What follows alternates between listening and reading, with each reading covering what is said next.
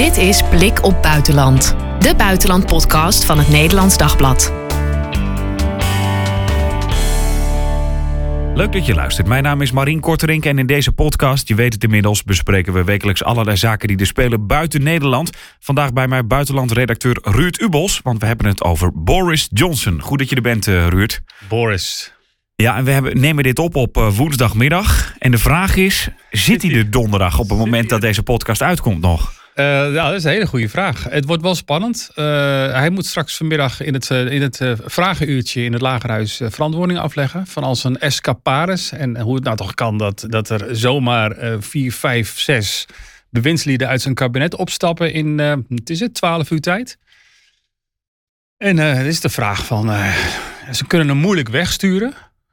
de conservatieve fractie dus van zijn partij heeft een paar weken geleden een vertrouwensstemming gehad. En die heeft hij overleefd. En dat is dan een stemming binnen de partij van... Ja. mag jij ons eigenlijk nog vertegenwoordigen? Ja. Dus de VVD houdt de stemming over Mark Rutte. Over Rutte. En dan, en dan besluit de VVD-fractie dat Mark Rutte niet meer de partijleider is.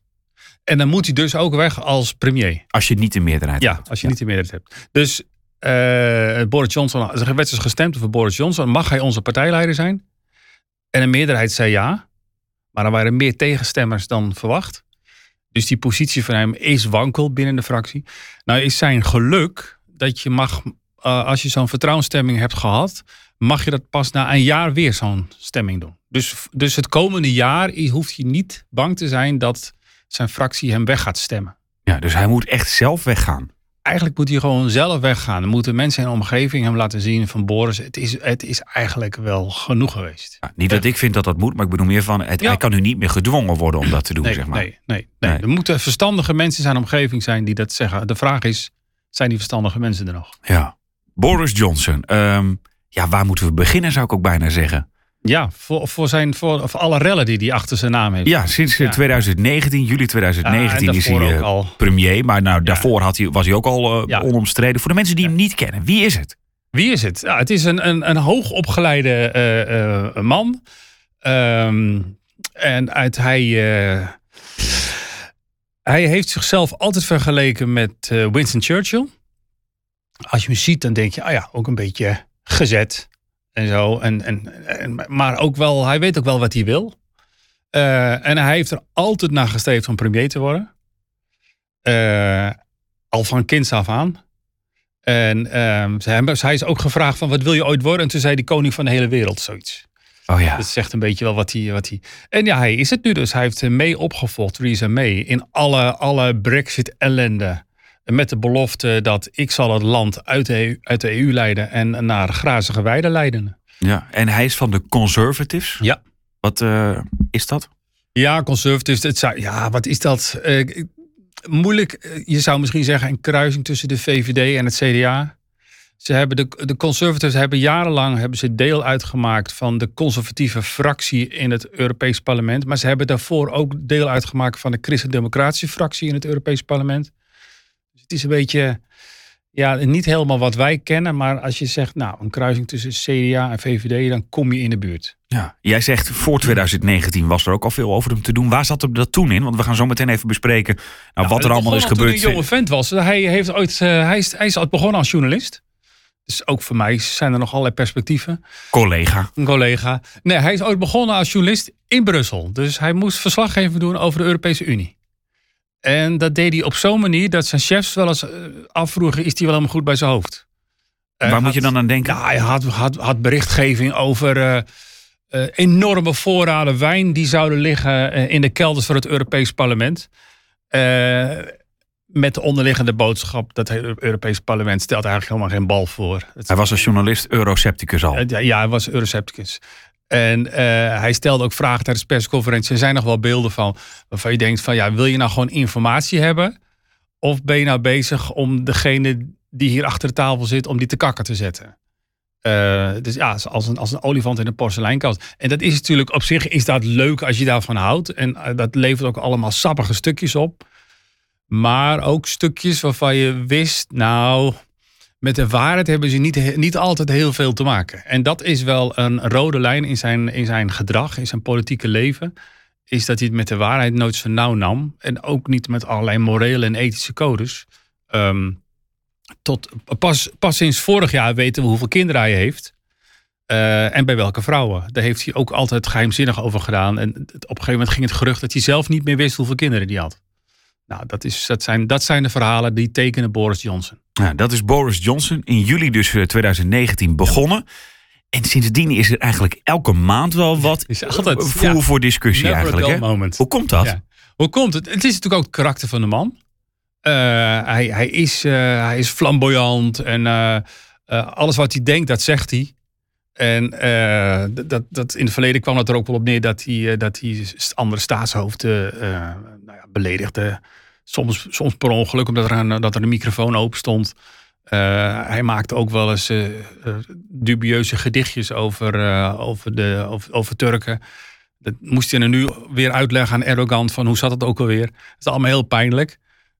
Maar het is, het is karakter van de man. Altijd, ja, het is niet iemand die, die een rustige baan heeft en dat gewoon jarenlang volhoudt en s'avonds tevreden is als hij bij zijn vrouw op de bank zit. Nee. Zijn de Engelsen tevreden met hem? Want hij heeft die Brexit, eh, wat hij heeft beloofd, van ik ga jullie Ja, eh, uit. hij heeft hij gedaan. Ja, heeft hij gedaan. Ja.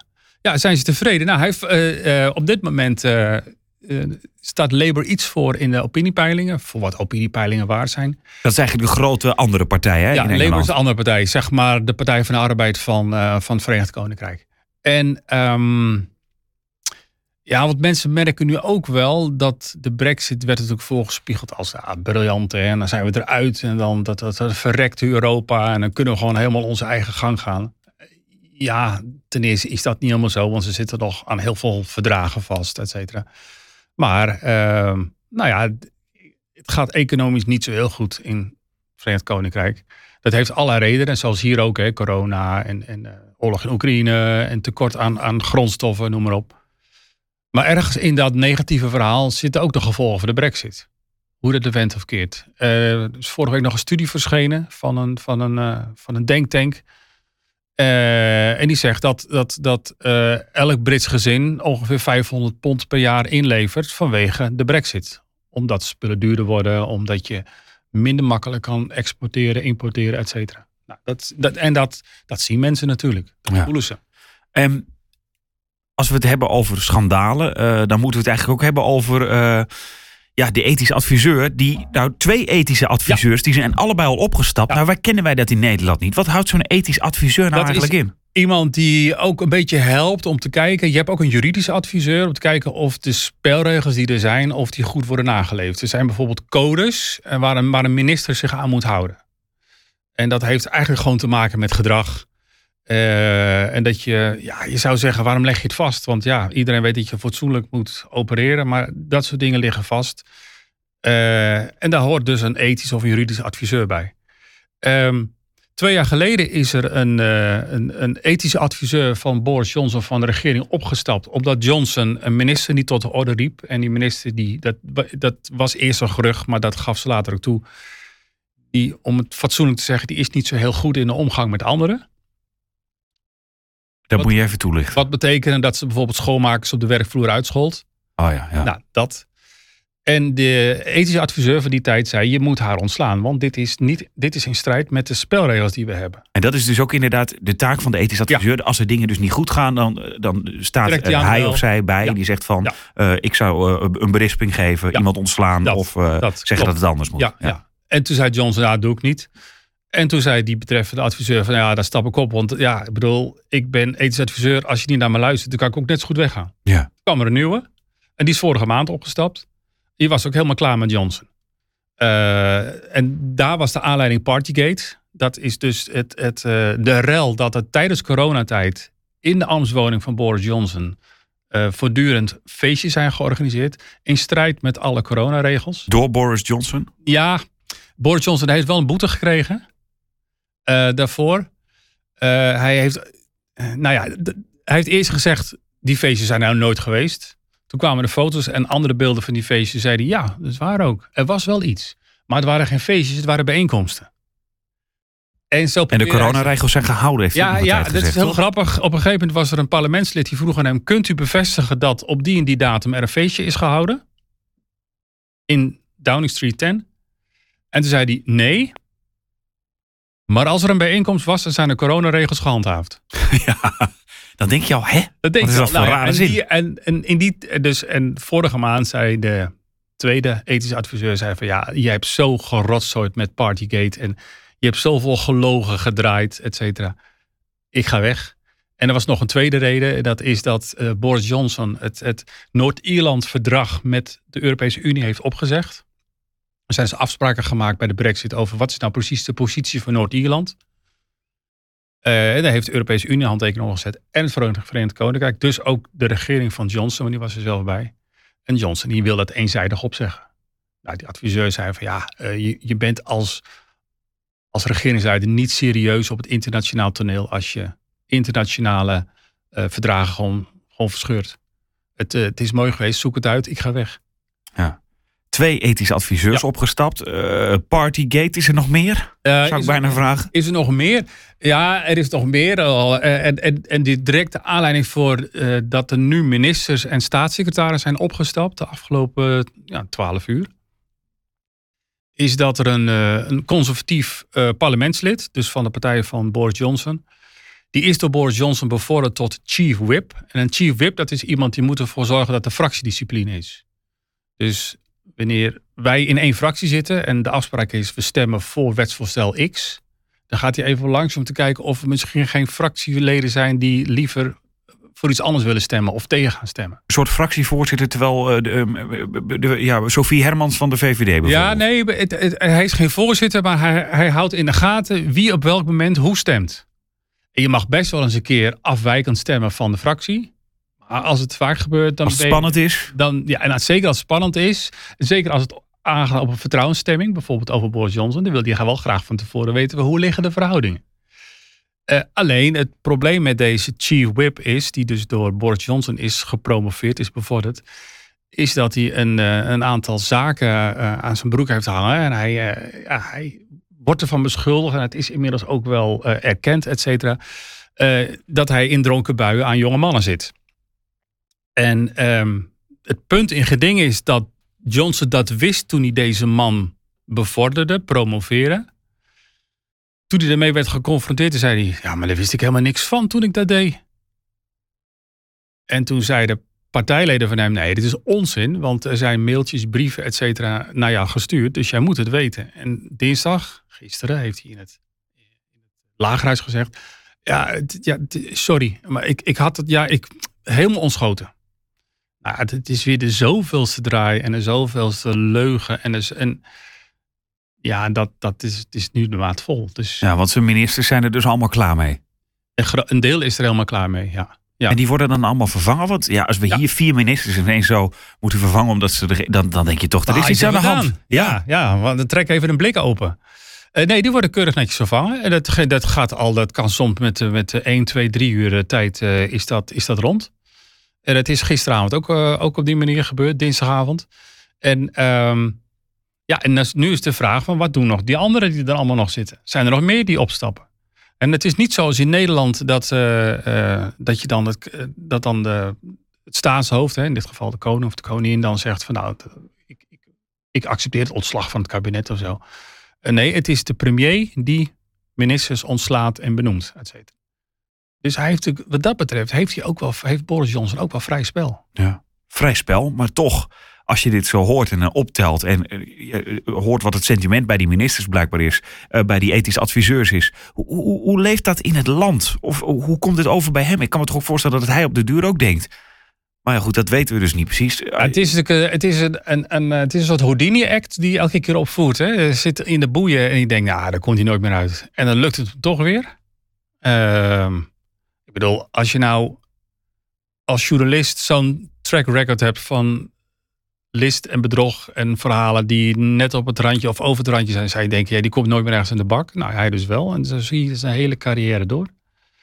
En in het land, ja, je ziet soms wel van die interviews op tv dat mensen zeggen van, ja, ja, ik heb hem gestemd. Ik, ik vertrouw hem toch nog wel. Maar het neemt wel af.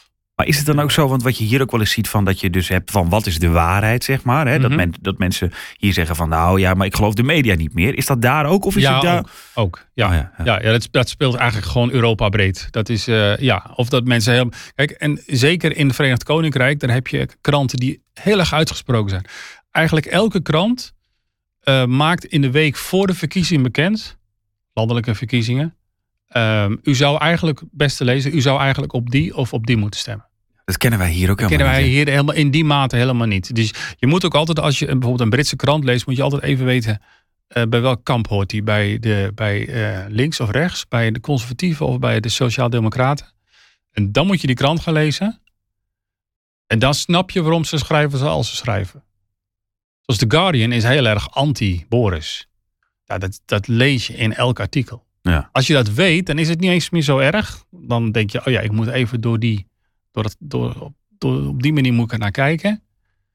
Um, en is het met, het met de stemmers misschien ook zo? Dat je dus niet zo snel van het ene naar het andere kamp gaat. Dus je zegt, je houdt eerst heel lang vertrouwen. En dan misschien is er ergens een keer een punt dat je zegt, nou dan, dan wordt het anders. Maar dat is niet snel. Nee, maar we hebben wel gezien de afgelopen jaren. eh, Dus dat ook in het Verenigd Koninkrijk zijn de kiezers een beetje op drift. Want uh, je, hebt, je hebt districten waar uh, links heel lang altijd de meerderheid had. Ja, dat was twee weken geleden. Ja, waren ja die zijn, dan, gaan dan naar, zijn bij de laatste uh, algemene verkiezingen naar Boris Johnson gegaan voor een deel. Maar een paar weken geleden, met regionale en lokale verkiezingen, zijn die, sommige van die districten weer teruggegaan naar links. Dus ook daar zie je dat, men, dat, dat kiezers een beetje op, op uh, drift zijn. Durf jij wat te zeggen over de komende week? Um, nee, het, het, het, het spannende is, het ligt er even aan hoeveel lef hebben die politici rondom Boris Johnson. Um, heel veel politici hebben hun positie te danken aan Boris Johnson. Dus omdat Boris Johnson. Hij neemt ze aan, die ministers. Ja, hij ook. neemt ze aan. Maar omdat Boris Johnson de, uh, dus, uh, de, de laatste algemene verkiezingen heeft gewonnen, of zijn partij, zijn er in die slipstream heel veel mensen meegekomen die, nou, soort, soort Boris Johnson aanbidders. En de kans is best groot dat die mensen blijven, want hun positie is van als Boris Johnson weggaat, zijn zij ook weg. Worden ergens burgemeester of zo, maar zij zijn dan ook weg. Um, en je ziet ook een omgekeerde beweging. Dat je ziet nu ook mensen die, die hebben zoiets van. Volgens mij is dat de trigger waarom nu mensen weggaan. Ze zien dat Boris Johnson of onder Boris Johnson zijn dus verkiezingen verloren een paar weken geleden in mei. En Boris Johnson is dus kennelijk niet meer de stemmentrekker die hij was. Ik denk ook dat heel veel politici zich afvragen: wil ik nog in de buurt van Boris Johnson, bij Boris Johnson in de buurt worden gezien? Of is het nu voor mijn carrière beter dat ik hem nu verlaat, zodat ik in ieder geval mijn handen schoon heb als hij straks helemaal ten onder gaat? Het is het zinkende schip uh, op Zink, tijd verlaten. Ja, het eigenlijk. zinkende schip op tijd. Dus, dus er zullen er zijn die bij hem zullen blijven in het zinkende schip. Want ook al zouden ze van het zinkende schip afgaan, dan verdrinken ze alsnog. Uh, en anderen zullen zeggen, nee, ik moet, ik moet nu weg. Ik moet nu mijn handen van Boris Johnson aftrekken. En wanneer denk je dat Boris Johnson zelf denkt van... Ik, dan moet ik er maar mee stoppen? Een goede vraag, want hij gaat ook altijd door. Ja. En soms is hij even weg. Hij is natuurlijk onder Theresa May. In die zin, Mark Rutte, denk je soms ook van... Hè, dat was toen met die stemming toch met Kaag ook van... Uh, nou, ja. ik, ik had mijn consequenties er wel aan verbonden, zei Kaag toen. Uh, en, en, nou, en, en Mark Rutte denkt dan ook... oh, nou ja, de, de meerderheid die wil me nog wel hebben. Dus ik blijf. En dan appt ja. het dan wel weer weg. Is dat alleen in die zin hij, alleen hij, Boris Johnson? Mark Rutte blijft altijd. Die is er gewoon altijd. Die is er gewoon altijd. Die zit altijd. Elke morgen gaat hij weer naar hetzelfde kantoor. Ja. En Boris Johnson is, is ook af en toe even van het toneel. Dus hij is onder Theresa May is hij een tijdje minister van Buitenlandse Zaken geweest. Was geen succes overigens. En uh, riep natuurlijk allemaal hele rare dingen. Stond een keer op het strand van in Frankrijk bij D-Day. Riep hij allemaal dingen waarvan ik denk van zeg dat nou niet. Maar goed, zogenaamd een kwinkslag. Uh, en toen is hij op een gegeven moment opgestapt. Want hij zag het niet meer zitten om onder Theresa May te moeten dienen. Oh ja. Want hij was het niet eens met haar brexit-politiek. Was te soft. En toen is hij even een, wat is het, een jaar of zo van toneel geweest. En toen was hij er weer. En toen Ja. werd hij premier.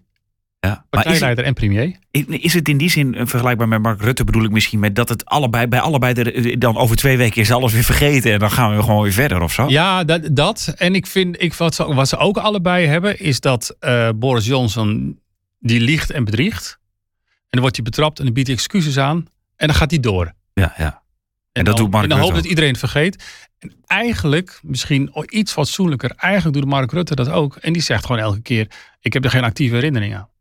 Maar dat zegt Boris Johnson met dat feestje dus eigenlijk ook, met die Ja, party dat zegt, ja, nou, hij zegt dat iets geniepiger nog. Hij zegt, ik heb er geen. Hij, eerst zegt hij, het feestje heeft niet plaatsgevonden. Maar als er een feestje is geweest, dan was het een bijeenkomst. En dan, dan is het, dat kan niet anders, dan is, zijn de coronaregels gehandhaafd. Of hij zegt, ja, ik wist het wel, maar ik, oh ja, ja, sorry, ja, ik ben het ook in alle drukte vergeten. Ja. Sorry. In de hoop dat iedereen, en dat is net even wat anders dan, ik heb er geen actieve herinnering aan, maar in de, in de essentie is het natuurlijk hetzelfde. Ja. Je, je, je, je weet het wel, maar je hoopt dat mensen je, jou er niet aan herinneren, want het was best wel pijnlijk. En, nou, ik heb geen herinnering aan. Sorry, ik zal het nooit meer doen. We gaan het zien eh, de komende week wat er gaat gebeuren met Johnson. Ik, is een mooi bruggetje. Eh, eh, hij is ook populair in. Ik wilde het nog even over Oekraïne hebben. Grote supporter van Oekraïne en wel- andersom. Hij is misschien wel populairder in Oekraïne dan in het Verenigd Koninkrijk. Ja, dit is moment. toch. hoe, Ja. hoe- waar komt dat vandaan? Nou, dat is, dat is wel grappig. Of grappig. Dat is natuurlijk eigenlijk heel pijnlijk. De aanleiding is heel pijnlijk. Het is natuurlijk de oorlog in, in Oekraïne. Ja. En dat Boris Johnson zich, zich ehm, meteen, eerder dan bijvoorbeeld de kanselier van Duitsland, zich meteen achter Oekraïne heeft geschaard. Eh, vrij snel is begonnen met wapenleveranties. En niet zoals wij, dat we zeiden van, nou, we sturen helmen. Ja, ja. Dat is het verschil eh, met dat hij niet meer in de EU schoenveters zat, of zo. zeker. Militaire schoenveters. Ja, ja, groen. ja. Groen bruin. En links groen en rechts bruin. Ja, ja, ja, precies. Nee, hij is meteen, eh, nou, wat hij had, of wat de Britten hebben gaan leveren, ook zwaarder geschut, zwaardere wapens. En, en sterker nog, er zijn nu hele groepen Oekraïnse militairen die komen naar het zuiden van Engeland. Die worden daar getraind in een paar dagen of een paar weken. In, in, het, in, het, in het gebruik van al die moderne wapens. Want je hebt natuurlijk ook een Britse wapenindustrie. Ja. Dus Boris Johnson kan ook zeggen van, ik help jullie. En het is ook mijn eigen industrie. Kijk, wij als Nederlanders kunnen wel tegen, die, tegen de Oekraïne zeggen, we gaan jullie helpen, maar we hebben geen We hebben één industrie. tank. Ja, één tank. Of ja. twee misschien. Ja, ja, en die moet je er omste beurt gebruiken. ja, ja, ja, maar wel precies. schoon, wel schoon inleveren. Ja. Ja, en afgetankt. Ehm, dus hij, hij heeft wat dat betreft ook meer slagkracht. En ja, die, En hij hoeft niet te overleggen met andere landen, want hij zit niet meer in de, eh, in de EU eh, wat dat betreft. ja, nou, hij zit natuurlijk wel, de, eh, Frank Hoek zit natuurlijk wel in, in de NAVO. Dus Ja, dat, dat wel. Dus er is natuurlijk, uiteraard is afstemming met de NAVO. Maar je ziet wel dat Groot-Brittannië een, een behoorlijke eh, eigen rol speelt in die oorlog. Ook eh, ja, voor mensen die Twitter volgen, dan kom je voortdurend die berichten tegen van de Britse eh, intelligence, de geheime ja, dienst, ja, ja. inlichtingendienst. Jan van Bentum heeft het er ook vaak over, dat die inderdaad er vaak bovenop zitten. Ja, die zitten er bovenop en die hebben eigenlijk een soort dagelijkse rapporten van dit is er aan de hand en zo schatten wij het in en we verwachten dat de situatie ongeveer die kant op gaat. Ja. Ja, dat is ja, goud zou ik zeggen. Ook voor zo'n premier natuurlijk. Want wat wij zien is natuurlijk maar een deel van die intelligence rapporten. Hij ziet natuurlijk veel meer. Dus, dus ja, je kunt zeggen die Boris Johnson is een hele rare. En hij liegt en hij is onbetrouwbaar en noem maar op. Uh, hij zwalkt in moreel opzicht. Maar uh, ja, hij zet zijn volle gewicht uh, achter, die, achter de, die Oekraïne-oorlog, althans, om de Oekraïnse te steunen. En dat. Ja, wat dat betreft, stel dat hij weg zou moeten, een deze dagen, zou dat voor de Oekraïners ook wel een, een, een tik zijn. Ja, ja want ik, ik, ik, weet dat twee weken geleden, na die vertrouwensstemming, uh, Zelensky volgens mij direct heeft getwitterd uh, iets dergelijks als fijn dat je kan blijven ja. en uh, dat we je volle support hebben. We steunen jou ook of zo. Nou denk ik dat, dat dit ook wel een lijn is die door anderen in de Verenigd Koninkrijk ook doorgezet zal worden. Dus als er morgen een andere premier komt, dan zal het ongetwijfeld. Maar ja, dit, hoe, hij heeft het gewoon. Um, als je voor steun bent aan de Oekraïne, en dat ben ik, hij heeft het gewoon goed gedaan. Ja. Um, ik heb het idee dat het uh, ook wel een beetje ondersneeuwt, Oekraïne. Ja, het staat niet meer op de voorpagina's. Het, uh, het is geen apart blokje meer uh, bij teletext. Um, ja, ondersneeuwt. Ja. Ja, nou, ondersneeuwt, het krijgt, het, het verschuift wat in onze aandacht. Ja. Terwijl de oorlog niet minder wordt. Nee, helemaal niet. Nee, nee helemaal niet. En misschien ook wel omdat het Oekraïnse leger minder succes heeft in het begin. Kijk, wij zijn natuurlijk ook voor de underdog. Uh, en dan pak je uit als er uh, als, op Slangeneiland, als dan die, die Oekraïnse militairen roepen van rot op tegen de Russische overmacht. Ja, daar smullen we natuurlijk ook wel van. Als Slangeneiland weer wordt ingeleverd. Ja, dan, ja dat is ook mooi. Maar, dus, maar je ziet, je ziet die, dat soort successen, succesjes zijn er eigenlijk niet op dit moment. Weinig. Ja, opgeteld bij dat het ook weer langer gaat duren. Een spanningsboog uh, is vaak ook niet meer bij dat soort grote um, crisis is niet meer dan 100 dagen, ja, dan schuift dat. Jij bent ook uh, iemand die veel uh, EU-dingen volgt. Dan wil ik dat ook nog even meenemen. Uh, volgens mij is het vorige week gebeurd dat er een EU-vlag Ja. in het parlement Ja, werd. ja, ja, en dat was helemaal zo'n ceremonie en zo. Ik zag het op alle media eigenlijk wel voorbij komen. netjes van achteruit de zaal naar Zo binnengedragen. gedragen. Ja, Ja, Heel, ja, het is, ja, ja. Is dat nou gewoon puur eh, symboliek? Of hoe eh, kan je daar nog wat uithalen? Nou, het is natuurlijk symboliek, want eh, eh, Oekraïne is helemaal geen lid van de Europese Unie. Nee. eh, is kandidaatlid. Wat betekent, eh, eigenlijk betekent dat niet veel meer van ja, jullie moeten nu ongelooflijk je best gaan doen om er ooit bij te kunnen horen. Ja. Ehm, dus ze hebben er eigenlijk alleen maar werk bij gekregen. En of het in tijden van oorlog allemaal soepel gaat lopen, dat is maar zeer de vraag. Dus het is vooral symboliek. Maar het geeft wel aan hoe, hoe, ze, hoe Oekraïners, althans hoe in het, in het parlement wordt gedacht over, nou ja, als we eenmaal bij die EU horen, misschien wat veiliger, krijgen we steun, worden we economisch sterker. Ja, ik, ik, kan me, ik kan me drommels goed voorstellen dat als je in een oorlog verkeert, Dat je dat dan graag wil. dat je, dat je elke alliantie, elke mogelijkheid om samen te werken met een ander, dat je natuurlijk met beide handen aangrijpt. Ja. Maar ik, ik moet zeggen, ik vond het ook wel iets, ehm, ja, emotioneel is het, is het een groot woord, maar het had ook wel iets eh, indrukwekkends. Dat, hoe die vlag naar voren werd gedragen en dat er zo langzaam zo dat applaus zo aanzwol. Terwijl je tegelijkertijd weet van, ja, op dit moment zijn er ook heel veel mannen en vrouwen aan het front die gewoon het einde van deze dag niet halen. Ja. Ik vond het wel, wel indrukwekkend. En ik zat er ook over na te denken. eh, ik vond het ook wel interessant omdat je dan dat enorme enthousiasme ziet en die wil om bij de EU te komen. Toen dacht ik, geeft de EU eigenlijk dan ook wel wat terug? Of is het, is het een beetje cool van, nou doe eerst maar kandidaat en dan gaan we er eens even rustig naar kijken. Wordt die liefde beantwoord eigenlijk? Ja, het is, het is even de vraag eh, hoe woest die liefde eh, moet worden. Ehm, ik denk dat die liefde wel wordt beantwoord. Alleen al, ik, ik denk bijvoorbeeld, ik, ik vermoed, eh, nou dat weet ik wel zeker, dat het vertegenwoordigers van Oekraïne wat vaker bij EU-vergaderingen zullen aanschuiven. Ehm, dan betekent gewoon, je gaat er langzaam maar zeker bij horen. Ehm, ja, dat, kijk, heel veel in praktische zin, ze krijgen ook steun, bijvoorbeeld bij het, bij het hervormen van, eh, van de rechtsstaat. Bij eh, kijken van hoe kunnen we nou zorgen dat, dat rechters eh, niet meer om te kopen zijn. Daar krijgen ze nu gewoon de komende jaren krijgen ze gewoon echt steun. Dan gaan mensen vanuit de EU daar naartoe. En die gaan meekijken van hey, hoe hebben jullie het dan geregeld? Zou je niet eens dat doen? Zou je niet eens je politie reorganiseren? Dus dat je op die manier nou, corruptie kan bestrijden, et cetera. Dus eh, zo langzaam maar zeker komt er wat van de grond. Als laatste, wij hebben niet zo'n vlag in het eh, parlement. Nee, nee. Hoe komt dat eigenlijk? Dat, dat sommige landen dat wel hebben, want de Fransen hebben het volgens mij wel. Hoor. Ja, als ik eh, Bijvoorbeeld. in het verleden als ik op vakantie was in Frankrijk, dan zag ik ook heel vaak een, een onogelijk dorpje. Dan hebben- Die, elk dorpje heeft er ook een gemeentehuis. Vraag me altijd af hoe houden ze dat ooit draaiend. Maar goed, kun je dan waarschijnlijk voor je rijbewijs Ja, ja, vijf jaar. Maar ja, daar kan je de schoorsteen ook niet van laten Want misschien moet je roken. hem daar eentje in drie jaar halen. Ja, dat, ja. om, om nog een beetje transitie- ja, ja, ja, ja, dat zou mooi zijn. Eh, nou, dan zie je er ook heel... Nou ja, dan zie je de Franse vlag boven de deur en een Europese vlag. Eigenlijk standaard. Ehm, Frankrijk is natuurlijk wel meer aan de, en heel sterk aan de, aan de EU verbonden. Voor, voor heel veel Fransen, voor de Franse overheid, Franse regering, is de EU ook een vehikel om nog wat in de wereld te zeggen te hebben. Frankrijk is natuurlijk niet meer die wereldmacht die het ooit was. En nu proberen ze dat via de EU. Dus, dat, dus voor Frankrijk is dat heel belangrijk. Ja, en wij hebben hem niet. Ja, wij zijn gewoon een beetje. Misschien zijn we wel, wel zakelijk, te zakelijk. En, en er is vorig jaar, twee jaar geleden, is er wel een voorstel geweest.